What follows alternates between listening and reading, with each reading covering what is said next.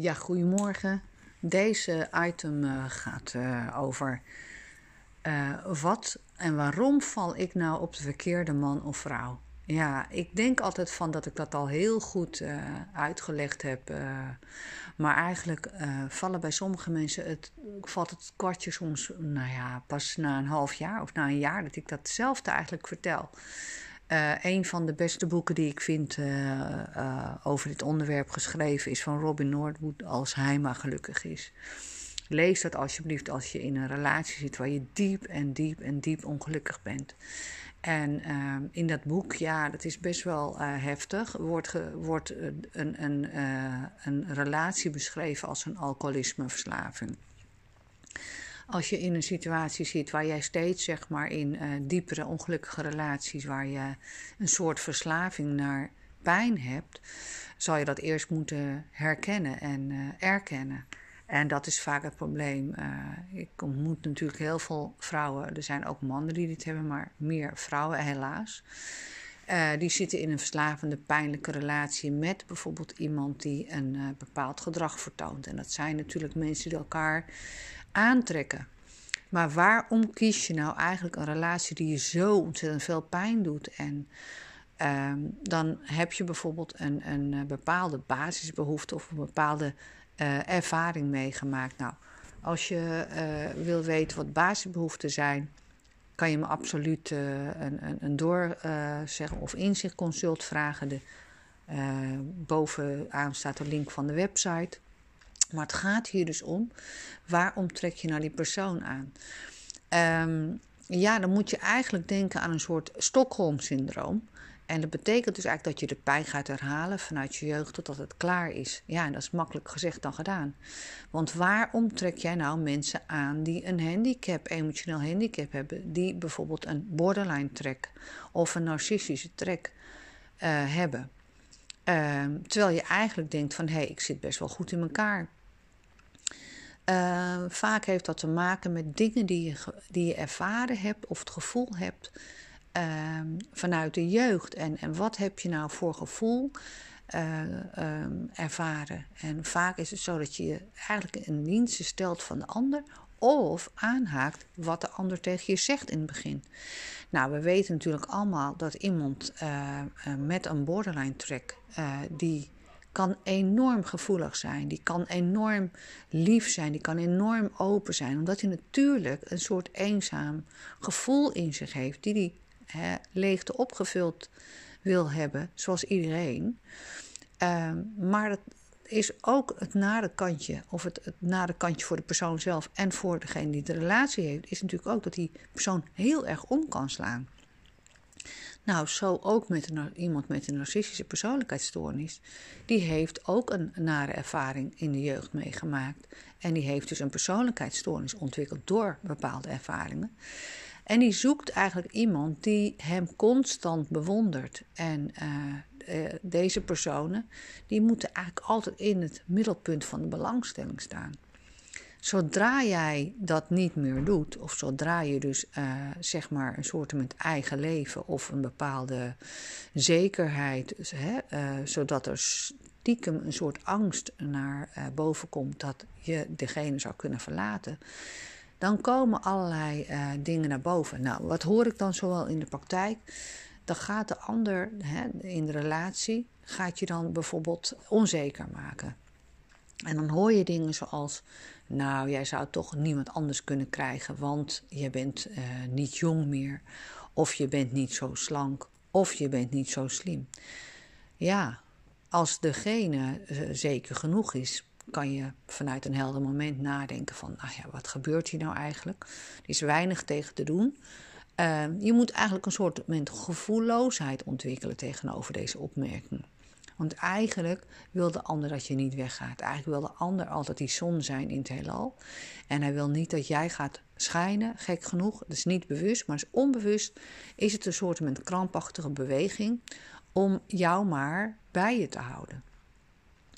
Uh, in het boek wordt ook beschreven waar jij staat. Dat het gaat om jou. Hè, dat jij je losmaakt van een negatieve relatie. Want het is ontzettend veel huiswerk. Uh, persoonlijk heb ik inderdaad ook wel relaties gehad met mensen met borderline trekken. Ehm, in het verleden, en dan hebben we het over heel, heel lang geleden. Ehm, ja, dan kan ik uit ervaring spreken. Uh, ondanks dat ik natuurlijk therapeut en coach ben, dat ik uh, vanuit mijn arrogantie dacht van nou, dit kan ik wel beter maken. Nou, deze personen worden eigenlijk nooit beter. Ik had toen een tijd ook een heel klein kind. En dat betekent dus dat dat nog zo dubbel zwaar is. niet met diegene hoor, maar zeg maar een kind van mezelf. Dat betekent dat je eigenlijk moet kiezen voor rust en ruimte in de relatie. Ik hield het toen de tijd nog best wel een paar jaar vol. Maar op de duur is het gewoon, dat zijn natuurlijk tropenjaren. Dan moet je kiezen voor je kind en voor je veiligheid. Want het kan ook maar zo zijn dat iemand met een borderline trek... dat die driftig wordt en dat die agressief wordt. dat is niet de bedoeling, maar dat heeft dan te maken met, met dat iets. Hè. Deze personen hebben enorme uh, zeg maar gevoelsprikkels. Je moet je voorstellen dat dat miljoen keer zo sterk is. Dus als er maar iets is wat ruikt naar, oh, uh, misschien flirt mijn partner wel. Uh, het gaat om het terrein verdedigen van, oh, dit is de veilige zone. Deze personen kunnen ook absoluut heel erg jaloers zijn en onzeker zijn. En ze kunnen ook door hun onzekerheid een soort patroon bij jou losmaken. Dat jij wel degene bent die alles in orde maakt. Nou, dat zijn natuurlijk altijd mijn eigen valkuilen geweest, omdat mijn basisbehoefte verzorging is. En, en dat ik gecentreerd ben en dat ik het allemaal wel kan handelen. Not. Dus denk altijd goed, waar sta jij? Nou, in het boek zie je ook een curve. Uh, want uiteindelijk zal die borderline of die man met die narcistische persoonlijkheid trekken, wat natuurlijk toch een beetje verschillende dingen zijn, die zal natuurlijk uh, een spoor gaan trekken op jouw uh, gevoel en je, en je onzekerheid. Uiteindelijk hebben we allemaal kinddelen die niet bestand zijn tegen deze onzekerheid makende buien.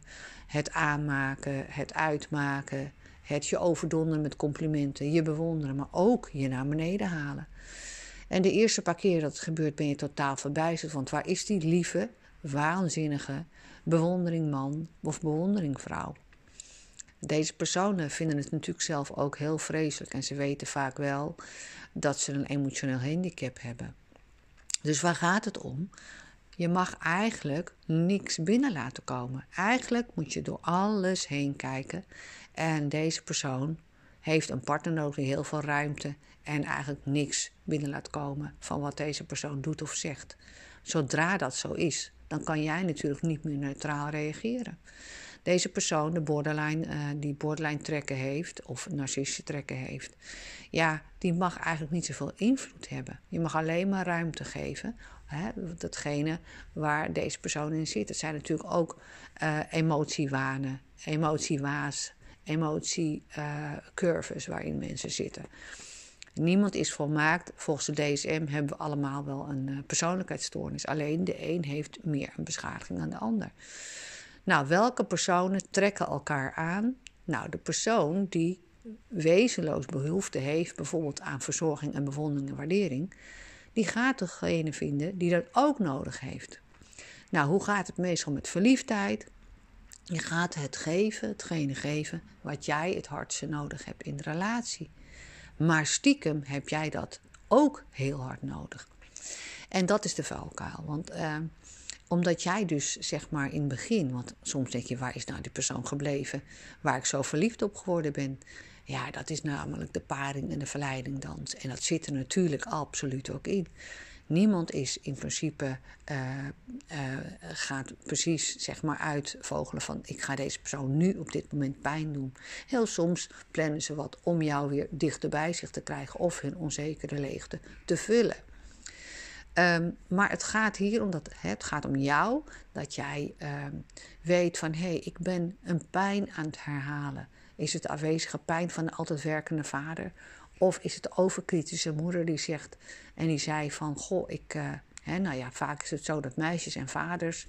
De vader zegt: Goh, ik hou van je. En, maar hij was er nooit. Dus eigenlijk heb je een soort onzekerheid of een dat is bij iedereen anders. Ik werk als coach op maat. Dus altijd een, een traumamoment. Is altijd een moment waarop jouw onderbewustzijn besloten heeft van ik ben niet belangrijk. De ander is belangrijk. Dat kan door religie ook komen. Dat kan komen door, uh, door uh, dat ouders er nooit voor, voor je waren. Dat kan komen door een leerkracht. Dat kan komen door een situatie. Dus wij werken met neuro-emotionele integratie en NLP uh, in de praktijk. En dan schrijven we dat weg. Dus het huiswerk zit hem in om dat traumastuk, hè, om dat emotionele stuk wat in je onderbewustzijn is, wat jouw kinddeel dus gelooft, dat jij uh, uh, deze behandeling waard bent, dat je eigenlijk niet zeker bent, dan geef je eigenlijk een opening. En dan geef je een opening aan degene die jouw pijn zou kunnen doen. Want jouw onderbewustzijn, jouw kinddeel gelooft dat dus. Dus dit is een soort mot op de brandende kaars. En dan is de brandende kaars in dit geval een borderline persoonlijkheidsstoornis of een narcistische man. En dan ga jij dus constant, denk je die warmte te krijgen, maar je wordt verbrand doordat deze persoon zo heftig is. En dat kan uh, soms uh, uiten in een enorme rollercoaster. Uh, ga maar na, zoek op wat een borderline stoornis is. En nou, niet iedereen hoeft alle symptomen te hebben. Je hebt een x aantal symptomen waarop een borderline stoornis aanhaakt. En het enige ja, wat deze persoon nodig heeft is rust, ruimte, stabiliteit. En dat je er bent. Maar soms ben je er en kan je er niet meer zijn. Want dan moet je er voor jezelf zijn. Dus ik adviseer altijd van als deze partijen elkaar gaan ondersteunen, dan wordt het een hele heftige relatie, heel heftig gevoelsleven voor jou. Dus wat zou je nou kunnen doen? Je zou jezelf wat minder gevoelig kunnen maken. Je zou eigenlijk aan jezelf kunnen werken. Um, om jouw onzekerheden aan te pakken. Want stel nou voor dat iemand zegt: Nou, je bent wel erg fors, of dat of dat is niet mooi. Kan je het binnen laten komen, of je kan zeggen: Nou, oké, ik vind het mooi. En verder niks meer over, niks meer mee doen. Nou is het wel zo uh, dat als uh, iemand in een hele onzekere waar zit, gaan ze natuurlijk verder. Dus het is aan jou om te vragen van bij jezelf van waarom zoek ik deze relatie op? Is dit nou hetgene wat jij bestelt? Ben jij, is dit nou de spiegel die ik ben? Wat geef ik in relatie? Als jij alleen maar liefde geeft en alleen maar begrijpend bent en verzorgend bent, ja, dan is dat niet de spiegel. En de spiegel is niet van het spiegelen van het gedrag. Nee, het is de spiegel. Ik zeg altijd: kijk in de spiegel wie jij bent. Wat geef jij? Wat breng jij in de relatie? Dat mag je ook terug verwachten. En dan valt vaak het kwartje. En het kwartje mag vallen, maar het valt uh, bij incidentele dingen ga je dat uh, voelen. Uh, je moet natuurlijk wel aan jezelf werken. Om dat onzekere kinddeel in jou te helen. Doe je dat niet, hè, dan wordt ook inderdaad in dat boek heel vaak aangegeven. Dan ga je eigenlijk naar steeds, ja, zeg maar, pijnlijke relaties toe. Totdat je eindelijk daar klaar mee bent. Ik adviseer absoluut om, uh, ja, natuurlijk ook voor mensen met borderline trekken. Die heb ik natuurlijk ook in de praktijk. Ik heb veel mensen met autisme. Uh, ja, uh, om daar ook mee te werken. Hè. Er zijn allerlei manieren om daarmee om te gaan. En ehm, ja, vooral agressiviteit is dan, hè, dan is iemand totaal ehm, ja, zeg maar onredelijk en, en, en helemaal emotioneel. Uh, als daar zeg maar heel veel tegenstand of heel veel. Ja, wat jij denkt, als mensen het niet herkennen, dan uh, gaat een borderline natuurlijk en een narcistische persoonlijkheid steeds verder.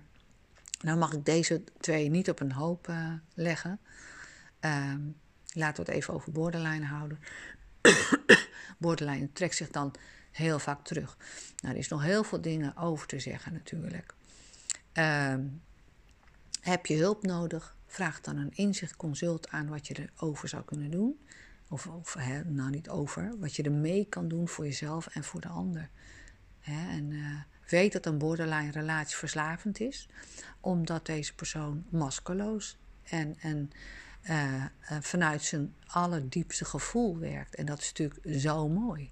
Maar de keerzijde is dat je dat anderen ook te zien krijgt. En daar moet je echt mee om kunnen gaan. En uh, het stuk in jezelf helen, zodat je de ander kan laten zijn waar die is. En nou, dat is altijd de keuze aan de ander. Wil je in een relatie blijven met iemand die uh, enorme golfbeweging heeft in de emoties, waar je enorm mee moet oppassen, omdat hij miljoenen prikkels heeft en een hele, ja, zeg maar, uh, zachte skin heeft, emotionele skin heeft, dan zal je daar heel erg rekening mee moeten houden. En uh, nou goed, heb je hulp nodig, vraag een gratis telefonisch intakegesprek aan. Namaste.